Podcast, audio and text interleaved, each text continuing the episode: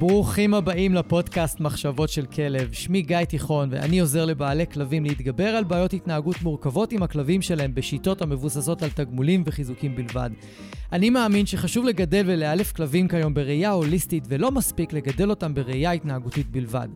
אני מעביר תהליכי ליווי אישיים, סדנאות וקורסים דיגיטליים לבעלי כלבים וגם למאלפים שמחפשים להתפתח ולצמוח. בכל יום שישי יעלה פרק חדש בנושא מרתק, דרכו אלמד אתכם להבין כלבים ברמה עמוקה יותר, מה שיסייע לכם לשפר את הקשר איתם ולחיות בצורה הכי טובה ביחד. אם אתם נהנים מהתוכן, אשמח שתשתפו אנשים אחרים שמגדלים כלבים וגם הם יוכלו ליהנות מהפודקאסט. תודה שאתם מקדישים לי מזמנכם, המשך פתיח קצר ומתחילים.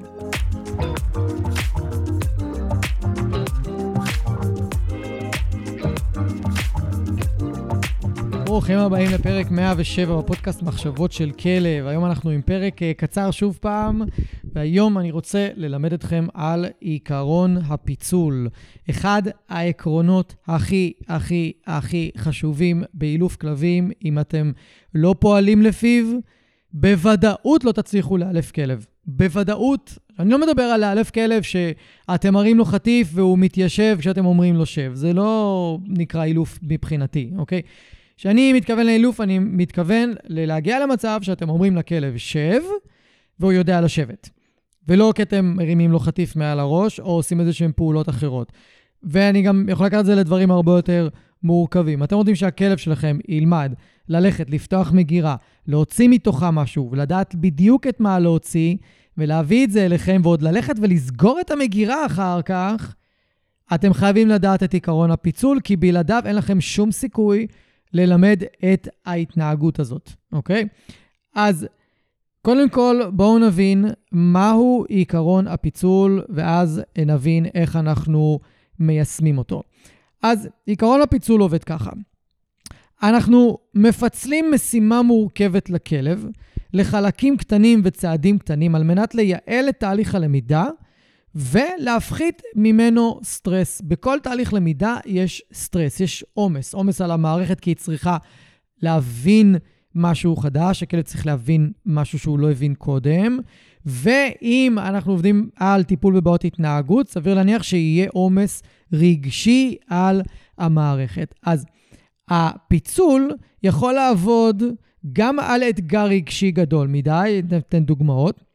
וגם על התנהגות מורכבת וארוכה, כמו שנתתי דוגמה על הכלב שיביא משהו מהמגירה, או אם עכשיו אני רוצה לחבר בין שתי התנהגויות, והכלב לא מצליח לחבר ב- בין שתי התנהגויות, אני לא מצליח ללמד אותו בבת אחת אה, את הפעולה הרציפה. סתם לדוגמה, אני רוצה שהכלב יבוא אליי כשאני קורא לו וישב מולי, ואז יקבל אוכל. אבל כשאני עושה את זה בבת אחת, זאת אומרת, אני קורא לכלב וישר מושיב אותו, הוא הרבה פעמים בא ולא מתיישב לבד.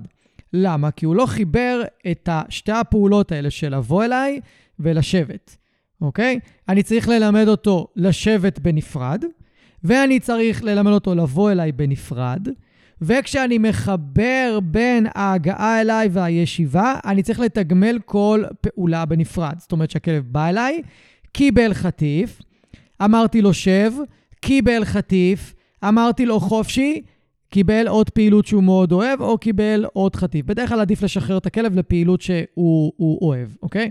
וזה היה עיקרון הפיצול. לימדתי שב בנפרד, הגעה אליי בנפרד, וגם כשחיברתי ביניהם, תגמלתי כל התנהגות בנפרד. זאת אומרת, פיצלתי את כל תהליך הלמידה כדי שבשלב יותר מאוחר אני אוכל לחבר את הכל ולתגמל את הכלב על כל השרשרת ההתנהגותית הזאת של לבוא אליי, לשבת מולי ולחכות לחופשי.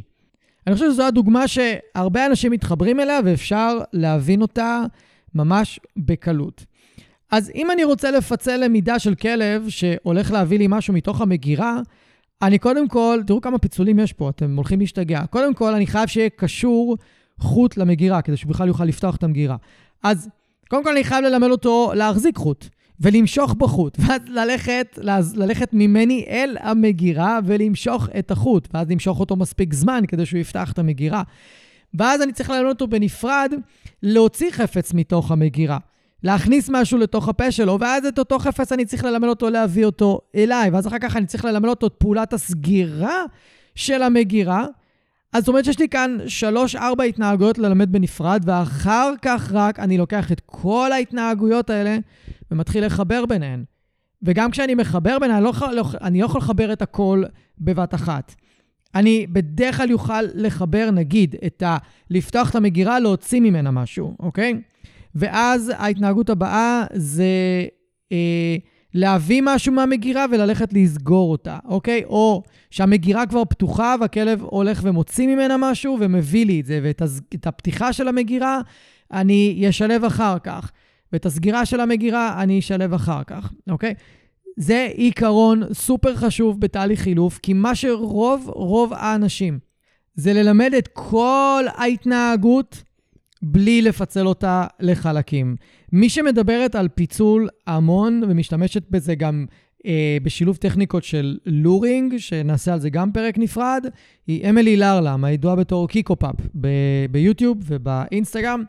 אם אתם תעקבו אחריה, אתם תראו שבסרטונים שהיא מלמדת איך לאלף, תשימו לב שעיקרון הפיצול נכנס שם בצורה מאוד משמעותית. בואו נדבר על עוד עיקרון, אה, עוד דוגמה לעיקרון פיצול. נגיד אתם רוצים ללמד את הכלב שלכם להישאר. אז כל פעם שאנחנו מלמדים כלב, כל התנהגות, אנחנו צריכים לעבוד לפי שלושה אה, עקרונות נוספים, שלושת הממים, מה שנקרא, שזה מסיחים, מרחק ומשך, אוקיי? ואתם לא יכולים ללמד את הכלב, נגיד, להישאר, ועל ההתחלה גם להיות רחוקים ממנו, גם להישאר רחוקים ממנו הרבה זמן, וגם לעשות את זה בסביבה שהיא מלאה גירויים. כולכם ניסיתם וזה לא עבד לכם. גם כולכם ניסיתם וראיתם שאם אתם מתרחקים מהכלב שלכם יותר מדי מהר, הוא פשוט יקום. או אם עמדתם רחוק מהכלב שלכם בסטי, ויישאר יותר מדי זמן, הוא פשוט יקום. ואם גם עמדתם רחוק וגם עמדתם הרבה זמן, הוא פשוט יקום. אלא אם כן, אתם פיצלתם את שלבי הלמידה. מה זה אומר? שבהתחלה, בהתחלה, אני רק עובד על משך ממרחק אפס, בלי מסיחים. אני מלמד את הכלב בבית לשכב על uh, משטח, ופשוט לשכב מולי ולא לזוז. ואני מגדיל את המשך באופן הדרגתי. אז בהתחלה הוא יתוגמל כל שתי שניות, ואז לאט לאט כל חמש שניות, ואז אני מתחיל לעבוד על ממוצעים. אני כל uh, שבע שניות בממוצע, הוא מקבל תגמול. כל עשר שניות בממוצע, הוא מקבל תגמול. ממוצע זה אומר שפעם אחרי חמש, פעם אחרי חמש עשרה, פעם אחרי עשר, פעם אחרי שמונה, פעם אחרי שתים עשרה, פעם אחרי עשרים, פעם אחרי שתיים. אני עובד על ממוצע של עשר, ככה הכלב לא יודע מתי הוא מקבל את התגמול שלו. אז הוא לומד שמשתלם לו להישאר, כי בכל רגע אני אמור לתגמל אותו. ואז גם אני מלמד אותו שלא תמיד צריך לחכות הרבה מאוד זמן כדי לקבל תגמול, לפעמים זה בא נורא מהר. אז זה מאוד מאוד מעלה את הדרייב של הכלב. אה, ומעלה את רמת השיתוף פעולה שלו בתהליך הלמידה. מי שרוצה עוד לקרוא על העיקרון הזה, חפשו קנדי קראש, את המשחק, העיקרון הזה מיושם שם בצורה אה, פנומנלית, בגלל זה אנשים מתמכרים למשחק הזה בצורה קשה, או לפחות התמכרו. אז אחרי שעבדנו על משך, על הסטי, אנחנו יכולים להתחיל לעבוד על מרחק. מה זה אומר? שאני עובד עם הכלב, רק על זה שאני מתרחק ממנו, בלי שאני נשאר רחוק ממנו. אני אומר לו סטי, לוקח שני צעדים, אומר לו יופי, חוזר, נותן לו חטיף. אומר לו סטי, לוקח שני צעדים, אומר לו יופי, אה, חוזר, נותן לו חטיף. אומר לו סטי, הולך שלושה צעדים, אומר לו יופי, חוזר, נותן לו חטיף. וככה אני מגדיל את המרחק, אבל אני לא נשאר לעמוד במרחק יותר משנייה, אלא אני ממש חוזר לכלב. אחרי שעבדתי על משך, והגעתי ממש גם לחצי דקה, שאני יכול לעמוד מול הכלב והוא לא זז, ואני מרגיש שאני יכול להתרחק לפחות חמישה, שישה צעדים, אני אתחיל לשלב ביניהם. אני אלך חמישה צעדים או שלושה צעדים רחוק מהכלב, ואני אעמוד שם, אבל אני לא אעמוד שם חצי דקה. אני אעמוד שם שלוש שניות. הצלחת? אני חוזר. אני אלך עוד פעם שלושה צעדים, אני אעמוד שם עשר שניות. הצלחת? אני חוזר. זאת אומרת שאני מתחיל לשלב בין משך למרחק, בצורה הדרגתית, שוב פעם, כל הזמן ההדרגתיות פה היא עיקרון מנחה, וככה אני בונה או מלמד את הכלב שמשתלם לו להישאר הרבה זמן במקום, גם אם אני מתרחק ממנו. מבלי שאני צריך כל הזמן, תוך כדי תהליך הלמידה, להחזיר את הכלב למקום שלו, כי הוא קם המון פעמים. מי מכם שמלמד סטי את הכלב שלו, בתרגיל הזה הכלב לא אמור לקום ויהי מה. אם הוא קם לכם יותר מדי פעמים במהלך הסשן, אתם עובדים לא נכון, ואתם מלמדים את הכלב שלכם בדיוק את ההתנהגות ההפוכה. שמשתלם לו לקום, כדי שאתם תחזירו אותו למקום, והוא ימשיך לקבל עוד חטיפים. הוא למד שהוא יכול לקבל חטיפים גם כשהוא יקום וגם כשהוא יישאר. זה לא סטי. וזה לא מה שאתם מכוונים אליו. אז אני ממש מפצה לכלב גם את המשך, גם את המרחק, ואז מחבר ביניהם, ואז אני מתחיל להוסיף מסיחים. כשאת המסיחים הראשונים שאני מוסיף, זה מסיחים שאני עושה. אז אם אני רוצה להוסיף מסיחים, אני אעבוד קרוב לכלב, ואני לא אעשה משך אה, גדול מדי. זאת אומרת שהמרחק יורד והמשך יורד. אני עובד בעיקר על המסיחים. אז נגיד אני אעמוד מטר מהכלב שלי, או חצי מטר ממנו, ואני פתאום אתחיל, אני אגיד לו סטי, ואני אקפוץ שתי קפיצות באוויר. זה מסיח, נכון? נשאר, יופי, אני נותן לו חטיף. עושה את אותו דבר עוד פעם, לפחות איזה שלוש-ארבע פעמים. ואז אני יכול להגיד לו סטי, ואני אקח צעד ימינה, צעד שמאלה. אם הוא לא קם, אני נותן לו חטיף. הסחתי אותו, זזתי מולו, זה מסיח להרבה מאוד כלבים. אני יכול לעשות סיבובים סביב עצמי. אני יכול למחוא כפיים. אני יכול לשיר. אני יכול אה, לצ- לצעוק מילים לאוויר.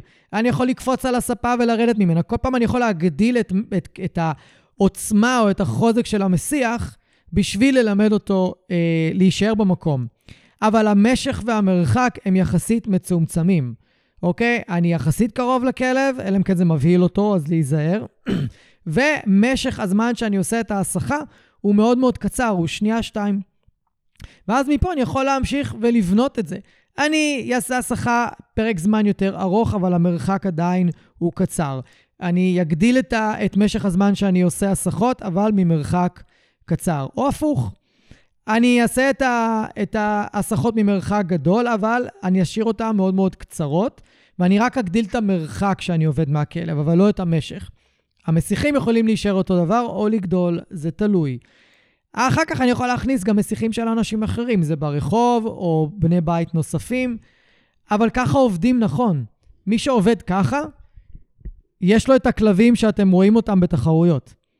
שעושים כל מיני דברים פסיכיים שאתם תופסים את הראש ולא מבינים, יו, איך הוא לימד אותו את זה. וכולכם הרבה פעמים משבחים את הכלב, אומרים, וואי, איזה כלב חכם, איזה כלב גאון, וואי, הלווה עליי כלב כזה. לא, חברים, המאלף והמאלפת הם הגאונים. יכול להיות לכם את הבורדר קולי הכי חכם בעולם, אבל סביר להניח שאם אתם לא יודעים לאמן אותו בצורה נכונה, הוא יהיה יותר מתוסכל מכם, אוקיי? כי הוא סביר להניח שהוא כבר יבין מה אתם רוצים יותר מהר מכם. אז תזכרו להבא, כשאתם רואים כלב מאולף ברמה כזאת, ללכת לבעלים שלו ולהגיד, וואי, איזה יופי, אילפת או אילפת אותו, אה, ממש מדהים.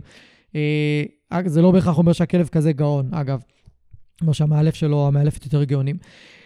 אז זה עיקרון הפיצול, שאני יכול להשתמש בו כל הזמן בתהליכי אילוף, ואני חייב בעצם. אם אני רוצה שהכלב שלי ילמד להקשיב לי, ילמד אה, שמשתלם להקשיב לי, וש... כשאני מבקש ממנו משהו, אני לא מבקש משהו שהוא לא מסוגל לעשות. ולימדתי אותו בתהליכי למידה ושלבים מדודים ומובנים בדיוק מה אני רוצה ממנו. אחרת, כלבים פשוט לא יודעים מה רוצים מהם, או שהם לומדים שמשתלם להם לא להקשיב. שכאילו, גם אם רוצים ללמד אותם עם חטיפים, הם אומרים לעצמם, גם אם אני עכשיו אבוא ואתה תיתן לי את החטיפים, אני לא אבין מה אתה רוצה, ומתישהו אתה תדרוש ממני קריטריונים כאלה גבוהים, שאני לא אצליח בכל מקרה, ואז אתה תתחיל לתקן אותי, או להגיד לי לא, או להעניש אותי, או להיות מתוסכל ממני, ואני לא מבין מה אתה רוצה. כאילו, לא לימדת אותי את כל השלבים, וזה בדרך כלל מה שקורה. אגב, שלא מלמדים את הכלב את כל השלבים להתנהגות שאנחנו רוצים ללמד. אז עד עכשיו דיברנו על פיצול התנהגותי. אוקיי? יש גם פיצול רגשי. מה הכוונה? למשל, אם אני רוצה לתרגל עם כלב שיש לו חרדת נטישה, היפרדות ממני, אוקיי? אני רוצה ללמד אותו להיפרד, שיהיה לו יותר נוח עם זה. אז הצפה תהיה, דיברנו על זה בפרק 105, מהי הצפה? הצפה תהיה פשוט לצאת מהבית ושהכלב יתמודד. אוקיי, זה הצפה. אז אם אני רוצה לפצל תהליך כזה לכלב. מה שאני עושה זה קודם כל תרגיל היפרדות פשוט. אני אעמיד את הכלב בסיטואציה רגשית, שהוא יחווה בה מתח ואולי קצת חרדה, אבל במינון שהוא מסוגל להתמודד איתה. במינון מאוד מאוד מאוד נמוך. הכוונה, אני אעשה עם הכלב תרגיל היפרדות מול הדלת, אבל זה תרגיל היפרדות מאוד קצר, שההתמודדות הרגשית של הכלב היא מאוד קטנה. אז יש לנו תרגיל שנקרא דיאלוג עזיבה, אני ממש הולך לתאר אותו בשתי משפטים, שבו אני רוצה לעשות אה, צעדים לכיוון הדלת, וכל פעם שהכלב נותן לי סימן הרגעה, אני מתקדם לכיוון הדלת. אז במקום להעביר אותו את כל התהליך של להגיע עד לדלת ולצאת מהדלת ולסגור אותה אחרינו ו- וכל האבו ג'רס הזה, אני אעשה לו תרגיל מאוד קצר.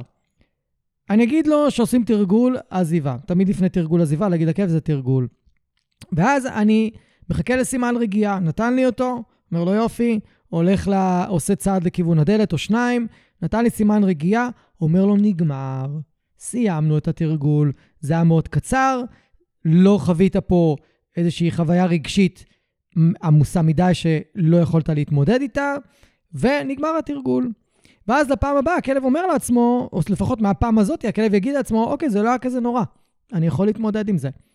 וכשאנחנו מתרגלים כלב, תרגילי חרדון נשאר, אנחנו חייבים ללמד אותו בתרגילים מאוד מאוד קטנים ובצעדים קטנים, שהוא מסוגל להרגיע את עצמו ומסוגל להתמודד עם סטרס, אוקיי? וכלבים שממש לא מצליחים ולא מתמודדים, יש לנו דרכים אחרות. בואו ניקח דוגמה מכלבים ריאקטיביים לטריגרים באופן כללי, בואו ניקח לאנשים, אוקיי? אני לא ארצה לקחת את הכלב להתמודדות או לאימון ישר מול הדבר שהכי מפחיד אותו, ולצפות שהוא יצליח להתמודד עם הסיטואציה בצורה הטובה ביותר. מה אני יכול לעשות כדי לפצל את ההתמודדות הרגשית שלו? זה לעבוד ממרחק יותר גדול. קודם דיברנו על עניין של שלושת המ"מים, הם גם נכנסים פה. אני אעבוד ממרחק יותר גדול. אני אוריד את רמת ההתמודדות הרגשית של הכלב, כדי שיהיה לו הרבה יותר קל להתמודד עם הסיטואציה. טוב, נכון, אנחנו לא יכולים לעשות את זה כל הזמן, במיוחד שאנחנו מטיילים ברחוב ופתאום מופיע הכלב שהכלב שלנו מפחד ממנו, או הבן אדם, או הסקטבורד, או הקורקינט וכאלה. אז אנחנו נעשה את המקסימום שלנו. אבל גם פה, במקרים כאלה, אני יכול לפצל את תהליך הלמידה, כי אם עכשיו מופיע משהו שנורא מפחיד את הכלב שלי, ואני רוצה שהוא ילמד להתנתק מהדבר המפחיד ולהתמקד בי, אז אני לא יכול לצפות שהוא יצליח לעשות את זה מול הטריגר המפחיד על ההתחלה. אני חייב קודם כל ללמד אותו להתנתק מטריגרים הרבה יותר חלשים. וכשהוא יצליח להתמודד מולם, אז נכוון לטריגרים בינוניים, קצת יותר חזקים, ואז אולי רק אחר כך נכוון לטריגרים החזקים. אבל אם אני לא לימדתי אותו בנפרד ליצור איתי קשר עין כשמופיע טריגר כלשהו, ולא לימדתי אותו, אה, או לא עשיתי לו יותר נכון, קישור חיובי לטריגר הזה, אני לא יכול לצפות שמול הטריגרים הקשים, הוא גם תהיה לו חוויה טובה והוא גם יצליח אה, להסתכל עליי וגם יצליח להתנתק מהטריגר. זה פשוט לא יקרה. אני חייב לפצל את הלמידה.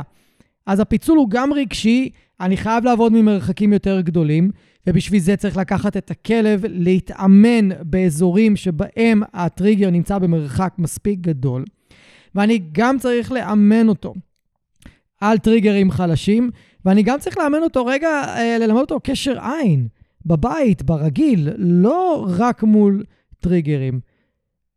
אז העיקרון הזה נכנס בכל כך הרבה רבדים בתחום האילוף, שאם אתם תסתכלו טוב טוב, במיוחד אלה מכם שעוברים ומקבלים איזשהו טיפול נפשי, מנטלי, אה, פסיכיאטרי, whatever, אתם תסתכלו רגע על התהליך שאתם עוברים, אתם תראו שגם איתכם פעלו בעיקרון הפיצול. לא ישר נכנסו איתכם לעובי הקורה בבעיה הכי קשה, ב... לא ישר ירדו איתכם לכל פצעי הילדות שלכם ונגעו בנקודות הכי הכי כואבות בחיים שלכם. לא. קודם כל נגעו איתכם במקומות קצת פחות כואבים, בנו אמון, יצרו בסיס, עשו עבודת הכנה לבעיה הכי הכי הכי גדולה שצריך לטפל בה.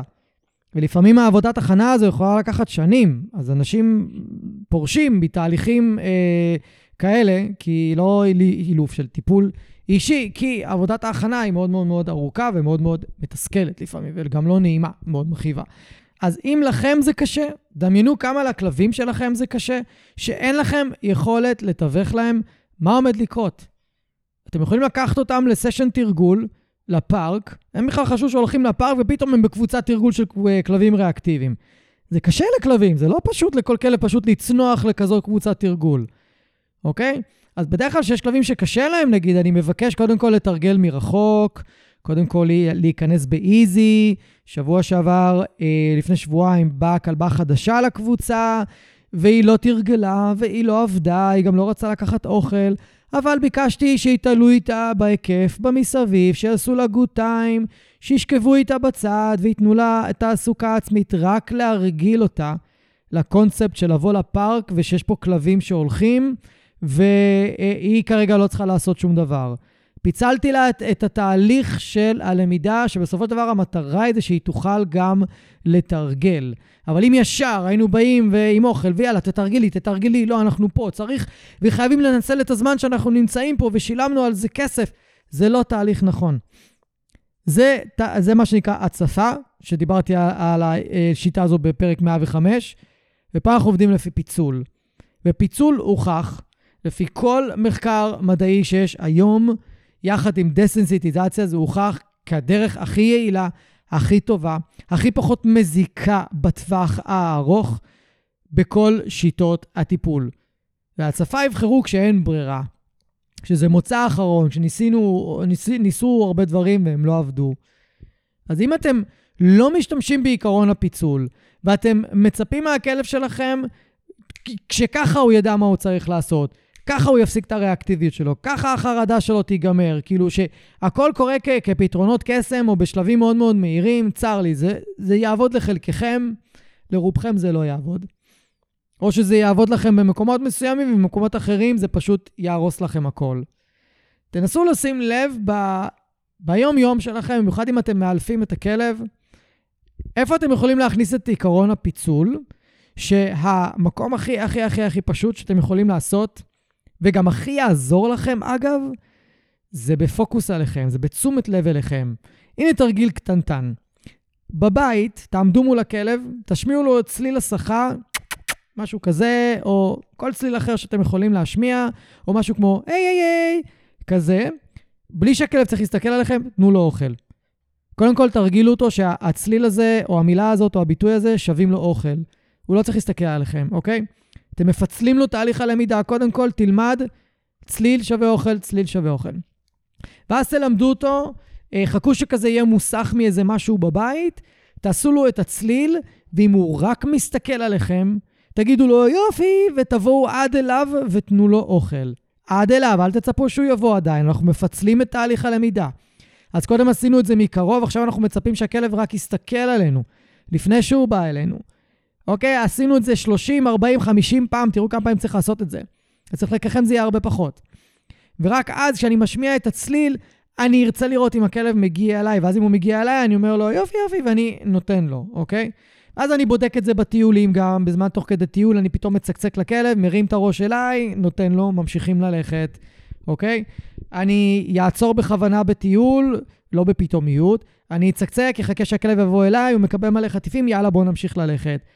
והנה, פיצלתי את תהליך הלמידה של פוקוס עליי, שקודם כל קישרתי את הצליל לאוכל, אחר כך קישרתי מבט לאוכל בלי שהכלב בא אליי, ורק אז קישרתי אה, הגעה אליי ולקבל אה, חטיפים. וזה לא דיברנו עדיין מול מסיחים, ולא דיברנו על זה שהכלב לא רואה אותנו, אלא זה כאילו ברמה הכי פשוטה והכי בסיסית שיכולה להיות.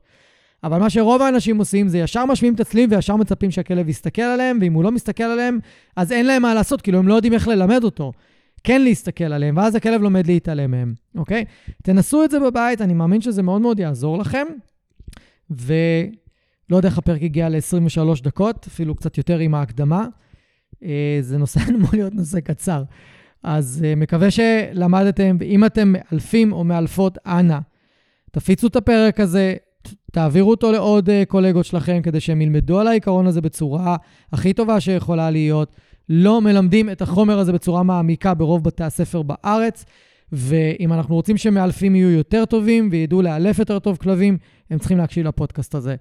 אז שיהיה לכם אחלה יום בינתיים, ונתראה בפרק הבא. ביי.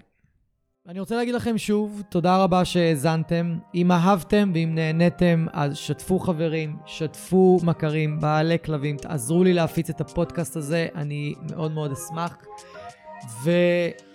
ותעשו פולו, כדי שהאפליקציה האהובה שלכם תודיע לכם. יום שישי היום, יש עוד פרק בפודקאסט מחשבות של כלב, ואני אפתיע אתכם עם נושא חדש ופרק חדש.